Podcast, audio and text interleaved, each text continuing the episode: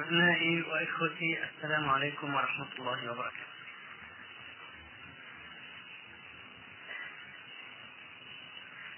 في مستهل القرن يشعر كثير بأن لاص قريب إليه.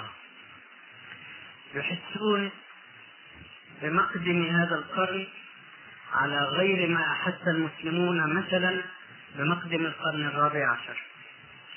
كان القرن الرابع عشر قرنا متعبا بالنسبة للمسلمين. ومرت فيه حالات من اليأس. يئس فيها المسلمون من عودة هذا الدين إلى التمكن في واقع الحياة. حدث فيه اطباق العدو.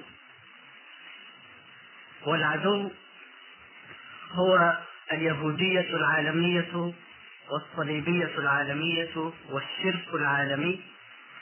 هؤلاء الأعداء الذين ما برحوا يكيدون لهذا الدين منذ مولده إلى هذه اللحظة وسيظلون.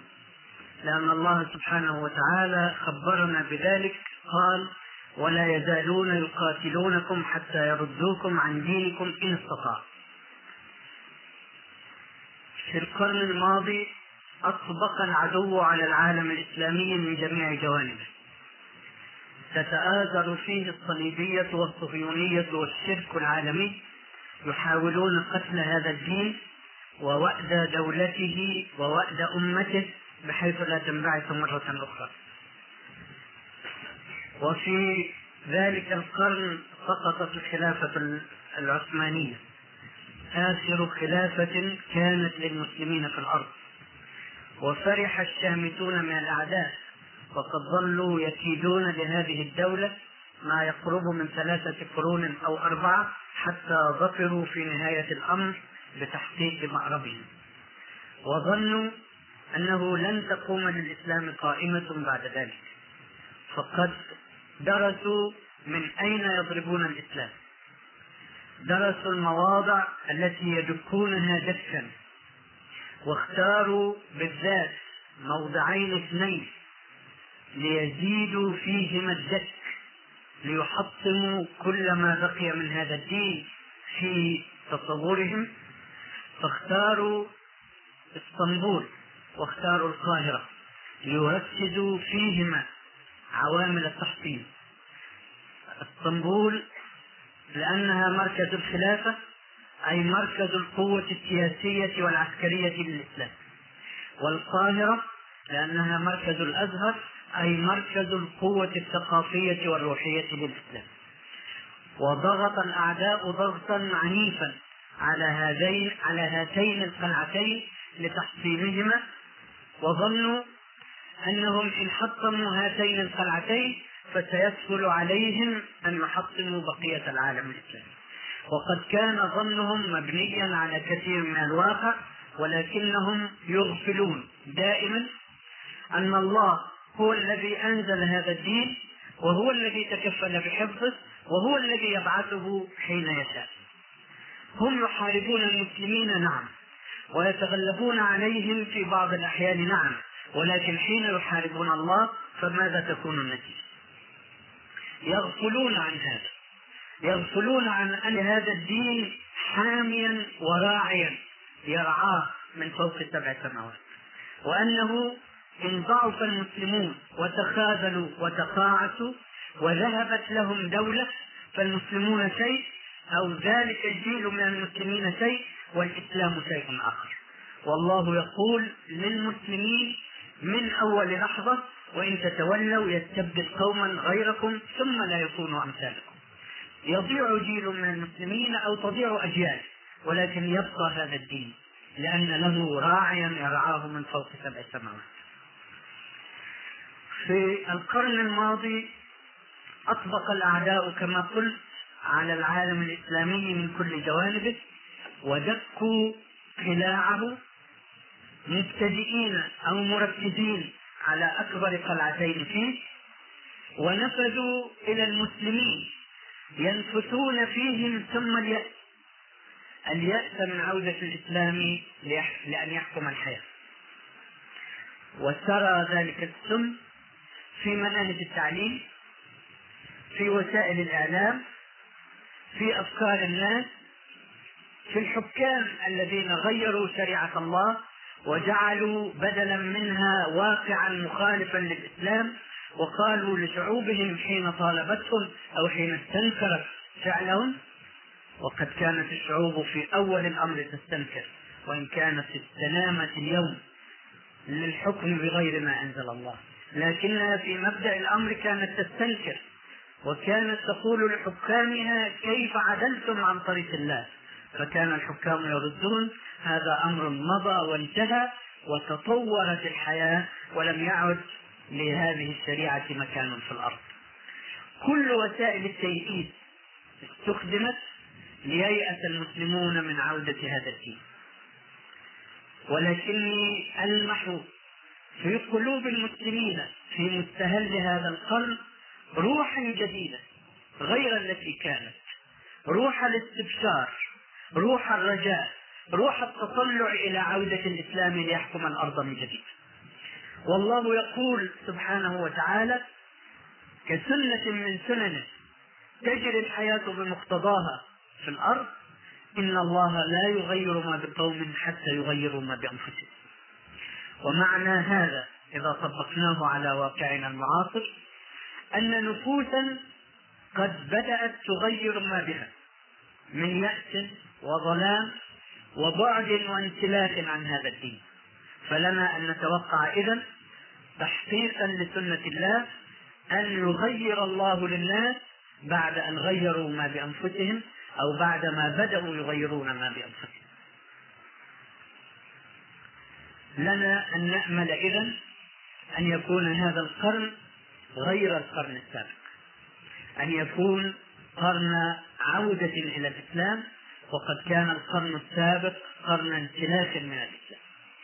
انسلخ فيه كثير من المسلمين في الأرض من دينهم وذابوا. ذابوا فيما يسمونه الحضارة الغربية وأسميه عامدا جاهلية القرن العشرين. إنها جاهلية.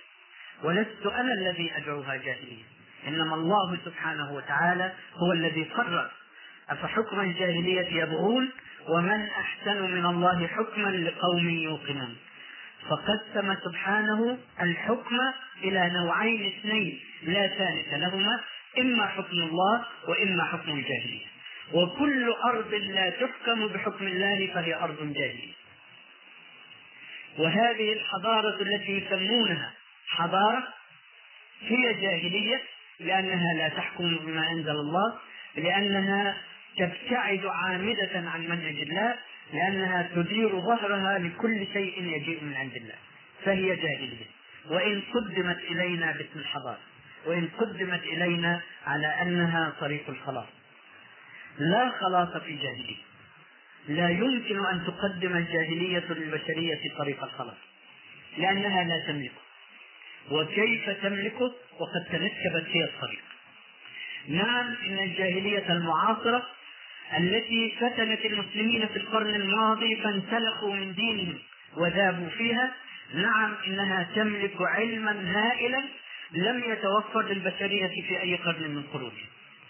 وتملك من وسائل التقدم المادي والتكنولوجيا ما لم يتوفر لجيل من أجيال البشرية في تاريخها كله. نعم ولكن هذا ليس مقياس البشرية. ولم يكن قط هو مقياس البشرية. ثم إن التقدم المادي وعمارة الأرض ماديا لا ينفي عن الناس الجاهلية حين يكونون جاهلين أي حين يكونون معرضين عن طريق الله. والقرآن يعلمنا هذه الحقيقة. فقد قال الله سبحانه وتعالى عن أقوام سابقين أثاروا الأرض وعمروها أكثر مما عمروها. والضمير في الفعل الأخير يعود على الجاهليين العرب. أي كانت هناك أقوام سابقة عملت الأرض أكثر مما عملها هؤلاء العرب الجاهليون. فهل نفى عنهم عمارة الأرض وإثارتها؟ هل نفت عنهم وصف الجاهلية؟ كلا. إنما الجاهلية حالة نفسية ووضع تنظيمي يرفض هدى الله ويتنكب طريق الله ويرفض أن يحكم بما أنزل الله. مهما يكن عنده من تقدم مادي وتقدم علمي. وهذه الجاهلية المعاصرة التي فتنت المسلمين في القرن الماضي ليست أول جاهلية تملك العلم وتملك التقدم المادي. وإن كانت تملك منه قدرا زائدا عن الماضي لتراكم العلم وتراكم التقدم المادي عبر القرون. ولكن انظروا إلى الجاهلية الفرعونيه هل كان ينقصها العلم؟ هل كانت كانت تنقصها التكنولوجيا؟ وانظروا إلى الجاهلية الرومانية والجاهلية الإغريقية. وجاهليات كثيرة في التاريخ. كانت تملك العلم وتملك الفلسفة وتملك التقدم المادي. ولكنها جاهليات جاهليات لأنها لا تعرف الله المعرفة الحقة ولا تحكم شريعته ولا منهجه في حياتها فيدمرها الله بأنها جاهلية. هذه الجاهلية الغازية غزت قلوبنا ولا شك في القرن الماضي وانسلخ كثير من الناس من إسلامهم وخاصة أولئك المثقفين الذين تثقفوا على طريقة الغرب والذين تربوا في مدارس الغرب أو في مدارسنا التي وضع الغرب لها مناهجها التعليميه وفي وسائل الإعلام التي ما تبدا تحدثهم عن أوروبا وعن التقدم الأوروبي وعن العلم والحضارة وتواري الإسلام إلا في المناسبات. فيحس من يتلقى ثقافته من تلك الوسائل سواء الوسائل التعليمية أو الوسائل الإعلامية أن الإسلام شيء يستخدم في المناسبات فقط. أما في الحياة اليومية فتستخدم منتجات أوروبا من فكر وعلم وحضارة. كذلك كان الحال في القرن الماضي. ويحس الناس أن تغيرا ما سيحدث في هذا القرن الخامس عشر. ولهم حق فيما يستبشرون فيه لهم حق فيما يتطلعون إليه من تغيير لأنهم بدأوا يغيرون ما بأنفسهم. بدأوا يعودون إلى الله. بدأوا يعرفون أن الدين هو الإسلام. إن الدين عند الله الإسلام. وأن أي دين آخر مهما يكن اسمه اسمه الحضارة الغربية اسمه الاشتراكية اسمه التقدمية اسمه أي اسم من الأسماء أي دين غير دين الله فهو مؤد إلى الدمار والخراب. ودين الله وحده هو الطريق. هو الطريق الذي يصلح حال البشر الذي يحل مشاكل البشر الذي يرفع البشر إلى مقام الإنسانية الكريم الذي أراده الله لبني آدم حين كرمهم ولقد كرمنا بني آدم. وحملناهم في البر والبحر ورزقناهم من الطيبات وفضلناهم على كثير ممن خلقنا تفصيلا الإنسان الذي كرمه الله أعلى من مما هبطت به هذه الجاهلية رغم كل ما تملكه من وسائل العلم والتقدم المادي وقد بدأ الناس يفيقون من الغاشية. بدأوا يرون أنهم مهما انغمسوا في هذه الجاهلية باسم الحضارة باسم التقدم باسم الرقي بأي اسم يختارونه فهم يبعدون عن إنسانيتهم وهم يفقدون مزيدا من كرامتهم وهم يهبطون إلى الوحي. يهبطون أسفل سافلين. هكذا قدر الله. إنه خلق الإنسان في أحسن تقويم. ثم رد من نكب عن الطريق أسفل سافلين. والبشرية اليوم أسفل سافلين لأنها تنكبت طريق الله. وانظروا انظروا في الواقع المعاصر. انظروا كي كم بعد البصر عن الإنسانية انظروا إلى مجازر القتال التي لا تقاتل في حق ولا مبدأ ثامن إنما تقاتل من أجل الغلبة من أجل أن يستعبد قوم قوما آخرين انظروا إلى الإنسان الفرد. متى يحس بإنسانيته؟ متى يمارس إنسانيته؟ هو في نهاره آلة منتجة سواء في الديوان أو في المصنع أو في المكتب هو آلة. لا تحس بإنسانيته. ولا يراد لها أن تحس بإنسانيتها لأنها إن أحست يوما بإنسانيتها فستثور على المخططين الذين يخططون لدمار البشرية. فهم يريدونها تسير في هذا الدولاب الآلي لا تفيق. وفي المساء هم دواب يسكرون يزنون يعيشون في الأرض فسادا. متى يمارسون إنسانيتهم؟ لا في الصباح يمارسونها ولا في المساء يمارسونها. حتى إذا أووا إلى فرشهم أووا أجسادا منهكة متعبة تريد أن تستلقي ساعات لتقوم بالدوامة من جديد أين هي الإنسانية؟ أين الكرامة؟ أين المخلوق الذي كرمه الله ليكون خليفة في الأرض؟ خليفة هو الآن خليفة ولكنه خليفة للشيطان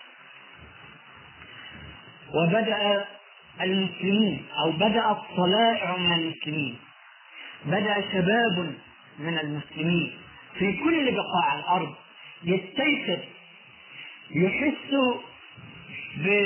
بالحمأة التي تهبط فيها البشرية والتي هبط إليها المسلمون متابعين لسادتهم الذين اختاروهم لهم سادة بدأ الشباب في بقاع كثيرة من الأرض. أو فلنقل باطمئنان في كل مكان في الأرض. بدأ الشباب يعود بدأ يستيقظ بدأ يعرف الحق بدأ يعرف أنه لا طريق للخلاص إلا العودة إلى دين الله. هذا هو الذي يبشر بأن هذا القرن بإذن الله سيكون خيرا من سالفه سيكون بدء الصعود لأنه بدء العودة العودة إلى الله العودة إلى الإسلام. وحين يعود الناس إلى الإسلام فإنهم يعودون بداهة إلى كتاب الله وسنة رسوله. فهذا هو الإسلام. هذا هو الوعاء الذي حوى الإسلام والذي علم البشرية أن تهتدي وأن تتكون منها ولتكن منكم أمة يدعون إلى الخير ويأمرون بالمعروف وينهون عن المنكر وأولئك هم المفلحون.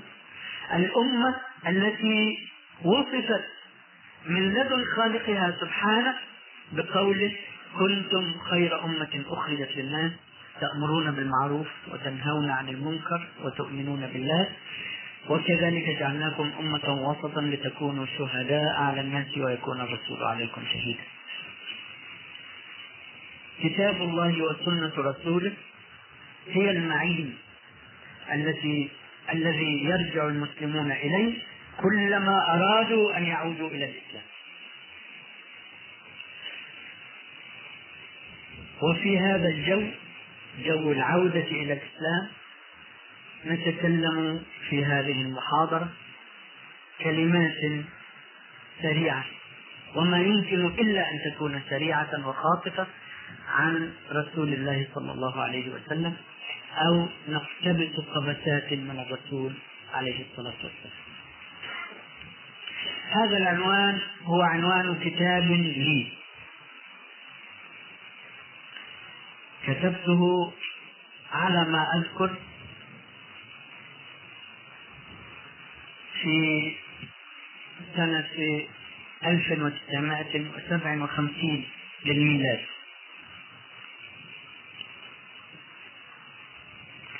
كان الدافع لي لكتابة هذا الكتاب كما بينت في مقدمته أن شخصية الرسول صلى الله عليه وسلم تعاني عزلة في وجداننا رغم الحب الشديد الذي يتوجه المسلمون به إلى شخص الرسول صلى الله عليه وسلم.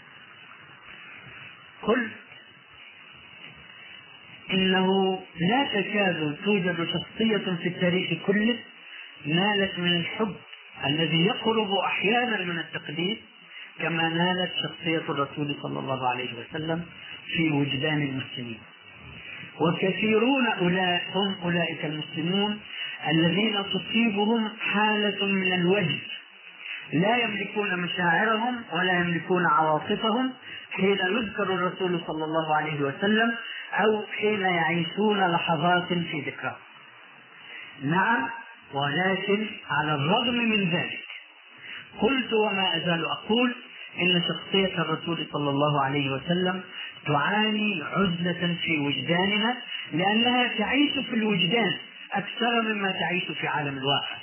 تعيش مشاعر تعيش سبحات روحية تعيش وجدا يغلب بعض الناس لحظات من حياتهم ولكنهم في حياتهم الواقعة لا يتخذونه قائدا لا يتخذونه قدوة لا يرجعون إليه لا يرجعون إليه إلا كما يرجع الإنسان إلى ذكرى قديمة. وما هكذا تكون القدوة. إنما يكون الحال هكذا مع القوم الذين يرثون الكتاب وراثة. فخلف من بعدهم خلف ورثوا الكتاب. هذا القول نزل في اليهود. ولكن صدق رسول الله صلى الله عليه وسلم لا تتخذون ما معنى؟ لا تتخذون سنن من كان من, قبلكم حذو القدة بالقدة. قالوا من يا رسول الله؟ اليهود والنصارى. قال اليهود والنصارى. حتى إذا دخلوا جحر ضب دخلتم. وصدق رسول الله صلى الله عليه وسلم فقد دخل اليهود والنصارى أجحارا كثيرة من جحور الضب ودخل المسلمون وراءهم في تلك الجحور وأذكر على سبيل المثال مثال عابر. في الحروب الصليبية الأولى كان المسلمون منهزمين وظلت هزيمتهم أكثر من مئة عام. حتى بعث الله المجاهدين المقاتلين يرفعون من روحهم المعنوية ويجندون الجنود على قاعدة الإسلام فانتصر المسلمون وكان أكبر نصر على يدي صلاح الدين. في تلك الحروب الصليبية الأولى رغم انهزام المسلمين أمام أعدائهم كانوا ما يزالون يحسون بعزة الإسلام واستعلاء الإيمان. تحقيقا لقوله تعالى ولا تهنوا ولا تحزنوا وأنتم الأعلون إن كنتم مؤمنين. قيلت نزلت هذه الآية بعد هزيمة أحد. نزلت في هزيمة عسكرية. ولكن الله يوجه المؤمنين يقول لهم ولا تهنوا ولا تحزنوا لأنكم أعلى من أعدائكم ما دمتم مؤمنين ولو هزمتم أمامهم في معركة عسكرية. وكذلك كان المسلمون في الحروب. كانوا يحتقرون أعداءهم. رغم هزيمتهم أمامهم.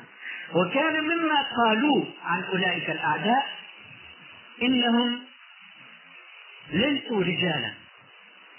وليست لهم أعراض يحافظون عليه قالوا عنهم إنهم ديايين يكون الرجل مع زوجته. وتعرفون أن الصليبيين أقاموا دويلات. في أجزاء من مصر وأجزاء من الشام وبعضها استمر مئة عام فتم الاحتكاك بين المسلمين وأولئك الصليبيين. يقولون يكون الرجل منهم مصاحبا لزوجته في الطريق فيأتي صديق لزوجته فيتنحى الزوج لكي يترك لها فرصة الحديث مع صديقه. وكان هذا سلوكا منكرا في حس المسلمين. وهو بالطبع كذلك. سلوك منكر لا يصدر عن إنسان له عرض وله كرامة يحافظ على عرضه ويحافظ على كرامته.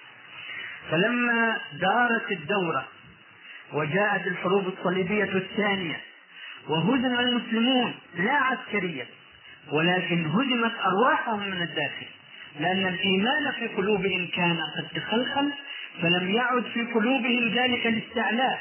الذي يكون في قلوب المؤمنين ولو كانوا منهزمين في الحرب.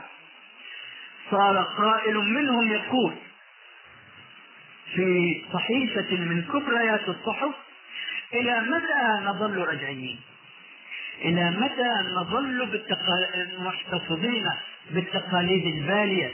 يكون الرجل سائرا مع زوجته فيأتي صديق لزوجته فيصر الزوج. على أن يبقى مكانه ليستمع إلى ما يدور بين زوجته وصديقه. انظروا كيف كان التحول. نفس الموقف كان يستنكر من المسلمين في الحروب الصليبية الأولى ويجيء كاتب عصر تقدم آه، يقول للمسلمين إلى متى تحافظون على هذه التقاليد البالية؟ متى تتقدمون؟ متى تنسلخون من إسلامكم؟ بعبارة أخرى. ويقول ذلك الكاتب أو غيره إني أطالب كل فتاة أن تمسك بصديقها في ذراعها وتذهب إلى أبيها وتقول له هذا صديقي.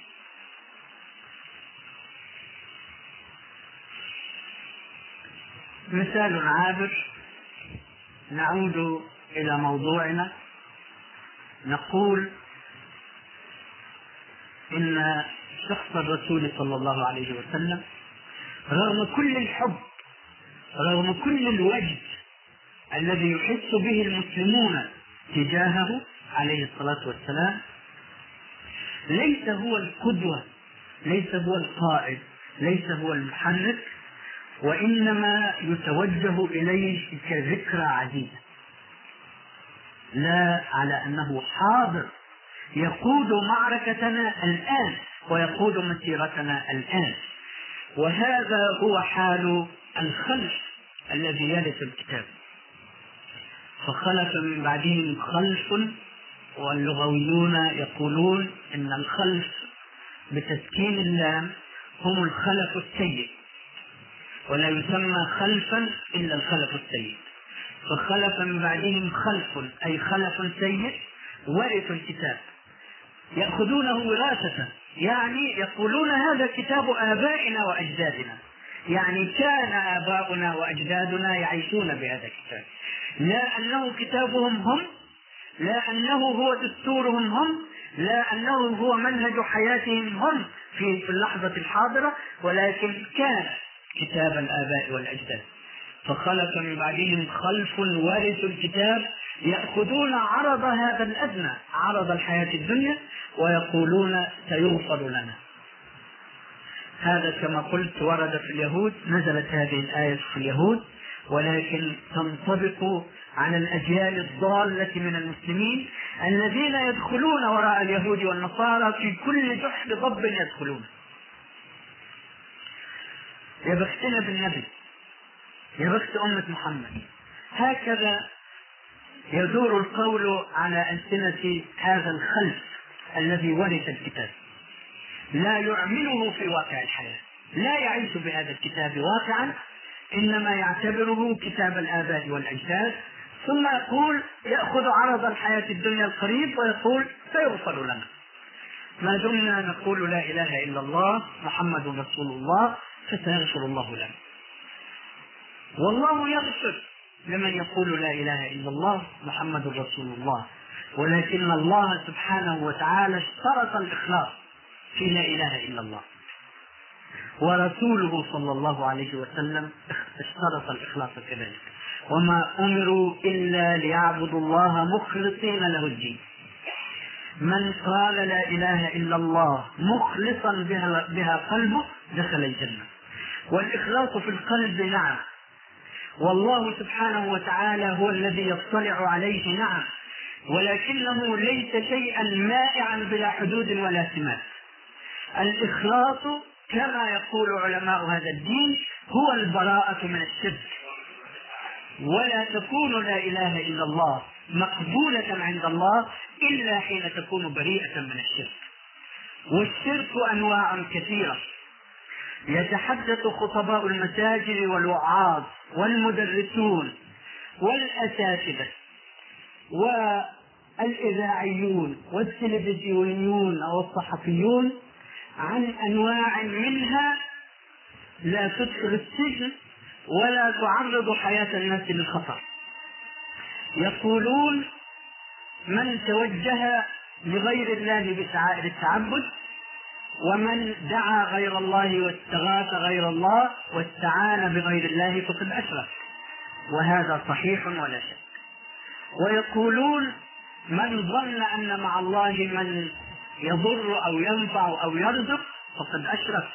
وهذا صحيح ولا شك. ولكنهم لا يقولون أبدا. في رقاع واسعة من العالم الإسلامي من رضي بحكم غير حكم الله فقد أشرك. لا يقولون هذه لأنها تعرض رقابهم أن تطير من فوق أجسادهم وتعرضهم للأذى وهم لا يريدون. فخرجت أجيال. لا تعرف. أجيال من المسلمين لم يعلمها أحد. أنه من رضي بحكم غير حكم الله فقد أشرك. لأن الله يقول أم لهم شركاء شرعوا لهم من الدين ما لم يأذن به الله. ويقول ومن لم يحكم بما أنزل الله فأولئك هم الكافرون.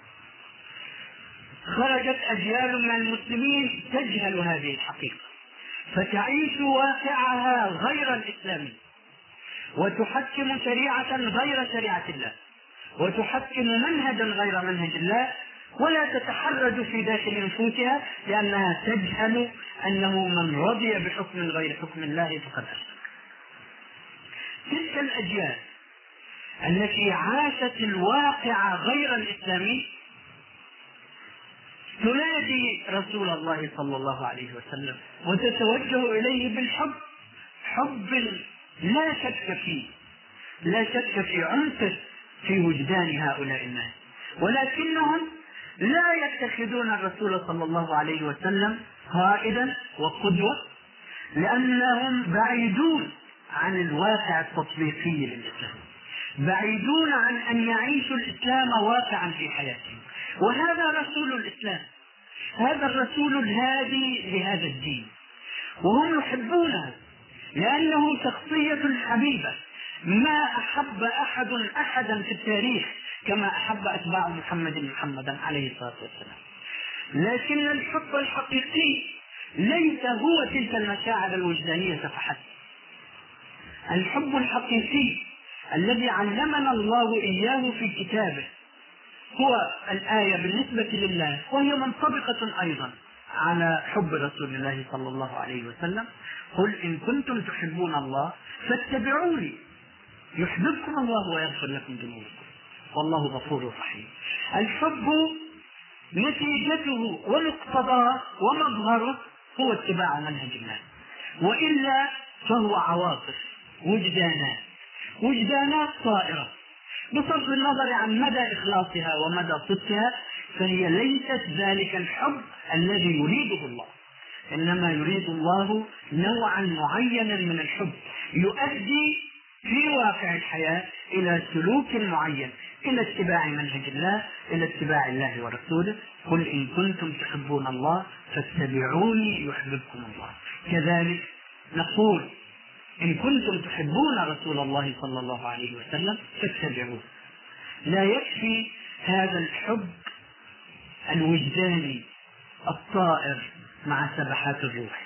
لا تكفي تلك الاهتزازات الوجدانية التي تصل أحيانا إلى درجة التشنج عند بعض الناس. لا تكفي تلك الدموع التي تنهمر غزيرة من عيون بعض الناس حين يذكرون رسول الله صلى الله عليه وسلم. كل ذلك جميل ولكنه بغير أن يكتمل في صورة واقع في صورة سلوك حقيقي في واقع الأرض مشاعر طائرة لا تغير واقعا ولا تنشئ واقعا. وما بعث الرسول صلى الله عليه وسلم ليكون شخصية معلقة في الفضاء. تتوجه إليها المشاعر بالحب دون أن تتبعها في عالم الواقع. إنما أرسل كما أرسل كل رسول قبله. وما أرسلنا من رسول إلا ليطاع بإذن الله. لا ليحب فقط لا لتتوجه إليه مشاعر الوجه إنما ليطاع. وتكون الطاعة هي مصداق هذا الحب هو هي التي تبين أن هذا الحب مكتمل أنه ليس مشاعر طائرة إنما هو هي مشاعر تتحول إلى سلوك فتكون حبا صادقا حقيقيا. لأننا نعيش بعيدين عن منهج الإسلام في أكثر رقاع العالم الإسلامي فشخص الرسول صلى الله عليه وسلم يتوجه إليه بالوجدانات الطائرة دون أن يتخذ قائدا وقدوة وإماما واقعيا في حاضر حياته. وهذا هو الذي بعثني إلى كتابة ذلك الكتيب الذي سميته قبسات مع الرسول. أردت أن أقول في ذلك الكتاب وما زلت أقول هذه القولة إن حبنا للرسول صلى الله عليه وسلم ينبغي أن يتحول إلى سلوك واقعي باتباع ذلك المنهج الذي كان رسول الله صلى الله عليه وسلم هو عنوانه وهو الداعية إليه وهو الصورة التطبيقية الكاملة له. سئلت عائشة رضي الله عنها عن خلق رسول الله صلى الله عليه وسلم فقالت كان خلقه القرآن هكذا في عبارة فصيحة موجزة أوجدت عائشة رضي الله عنها قضية ضخمة جدا. كان خلقه القرآن. كان يعيش القرآن واقعا. لم يكن القرآن بالنسبة إليه مجرد ذكر يتلى إنما كان واقعا يعاش وكان سلوكه الواقعي صلى الله عليه وسلم هو الترجمان الكامل لهذا القرآن المنزل من عند الله. وفي هذا تكون الأسوة. لقد كان لكم في رسول الله أسوة حسنة لمن كان يرجو الله واليوم الآخر وذكر الله كثيرا. إن الأسوة في رسول الله صلى الله عليه وسلم لا يمكن أن تكون بحال من الأحوال بأن يرتفع بشر على الإطلاق إلى مستوى رسول الله صلى الله عليه وسلم. فهو قمة لا بالنسبة للبشر العاديين فقط إنما هو قمة بالنسبة للرسل والأنبياء كذلك. وليست الأسوة في أن يحاول إنسان أن يرتفع إلى مستواه فهذا مستوى كذب فريد جعله الله فريدا وجعله قمة للبشرية كلها في أصفى حالاتها حتى الأنبياء والرسل. ومع ذلك فقد طلب الله منا أن نتأسى برسول الله صلى الله عليه وسلم. فكيف تكون الأسوة؟ إلا باتخاذ المنهج الذي كان يعيش به ويعيش له صلى الله عليه وسلم. أما تلك الشخصية الفذة فهي شخصية عظيمة حقا بكل ما تحمل هذه اللفظة من معان وأكثر مما يطيق التعبير البشري أن يصور. وقد كتبت مئات من الكتب وألوف عن شخصية الرسول صلى الله عليه وسلم. وما زال المجال يتسع لمئات أخرى وألوف تكتب عن هذه الشخصية الفذة فإن الحديث عنها لا ينفذ.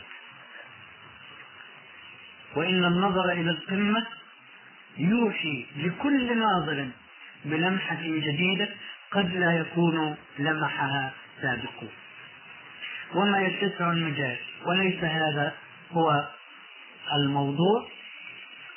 ما يتسع المجال لحديث مفصل عن هذه الشخصية الفذة العجيبة التي اكتمل فيها الكيان البشري.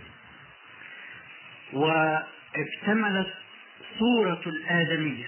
كما لم تكتمل في أي شخصية أخرى ولا شخصيات الرسل والأنبياء عليهم صلوات الله وسلامه.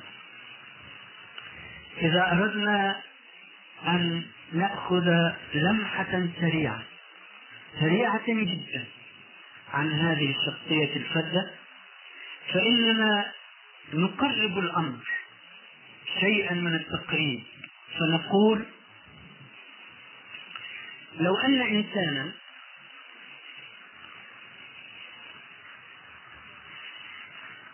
وجد أمته في شتات وتفرق فأخذ على عاتقه ونذر نفسه حياته كلها ليلم شمل هذه الأمة ليرأب خضوعها ليجعلها صفا واحدا ليجعلها بناء متماسكا ليجمعها في وحدة شاملة وتم له النجاح في هذا الأمر.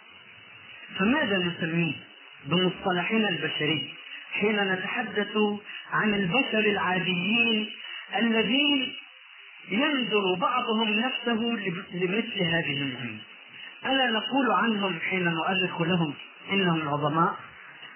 وإنهم بتقدير البشرية عظماء إذا نجحوا بالفعل في مثل هذا الأمر فإنهم يستحقون هذا اللقب يستحقون أن يوصفوا بأنهم عظماء فكيف إذا كان هذا الجهد كله الذي وصفنا صاحبه الذي نجح فيه بأنه عظيم كيف إذا كان بكامله مجرد جانب واحد من جوانب شخصية الرسول صلى الله عليه وسلم.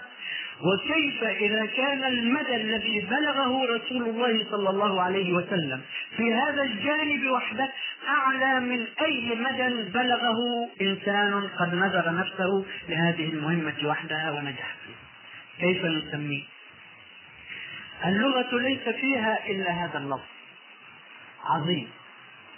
ولكن ينبغي أن نضع في حسابنا مقاييس ومعايير ودرجات للعظمة.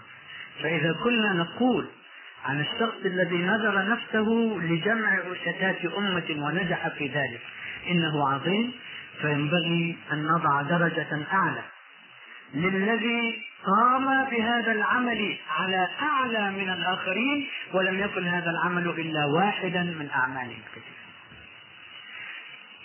لو تصورنا في حياتنا البشرية قائدا عسكريا جمع من حوله جيشا ورباه. رباه على الشجاعة رباه على الثبات ثبات القدم وثبات الجنان رباه على طاعة قائده. رباه على أن يقتحم به المعارك.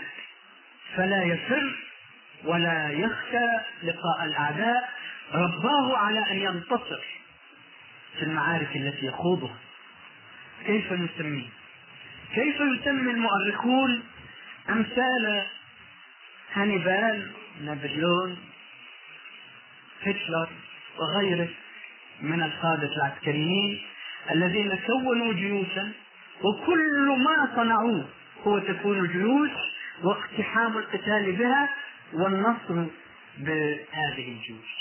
نسميهم التاريخ عظماء ومن حق التاريخ أن نطلق عليهم هذا اللقب وإن كان في كثير من الأحيان يكون هذا اللقب ثوبا فضفاضا أوسع بكثير من لابسه. فما كان هؤلاء لا هانيبال ولا نابليون ولا غيره ما كانوا عظماء. إذا حسبنا الدوافع التي كانت تدفع. ليست المسألة هي وجود جيش ينتصر مع قائده. إنما المسألة فيما ينطلق هذا الجيش لأي شيء. ومع ذلك يقولون عنهم إنهم عظماء.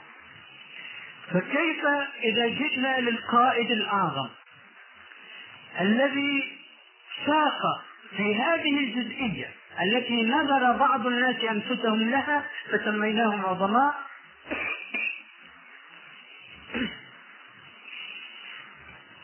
ساق في هذه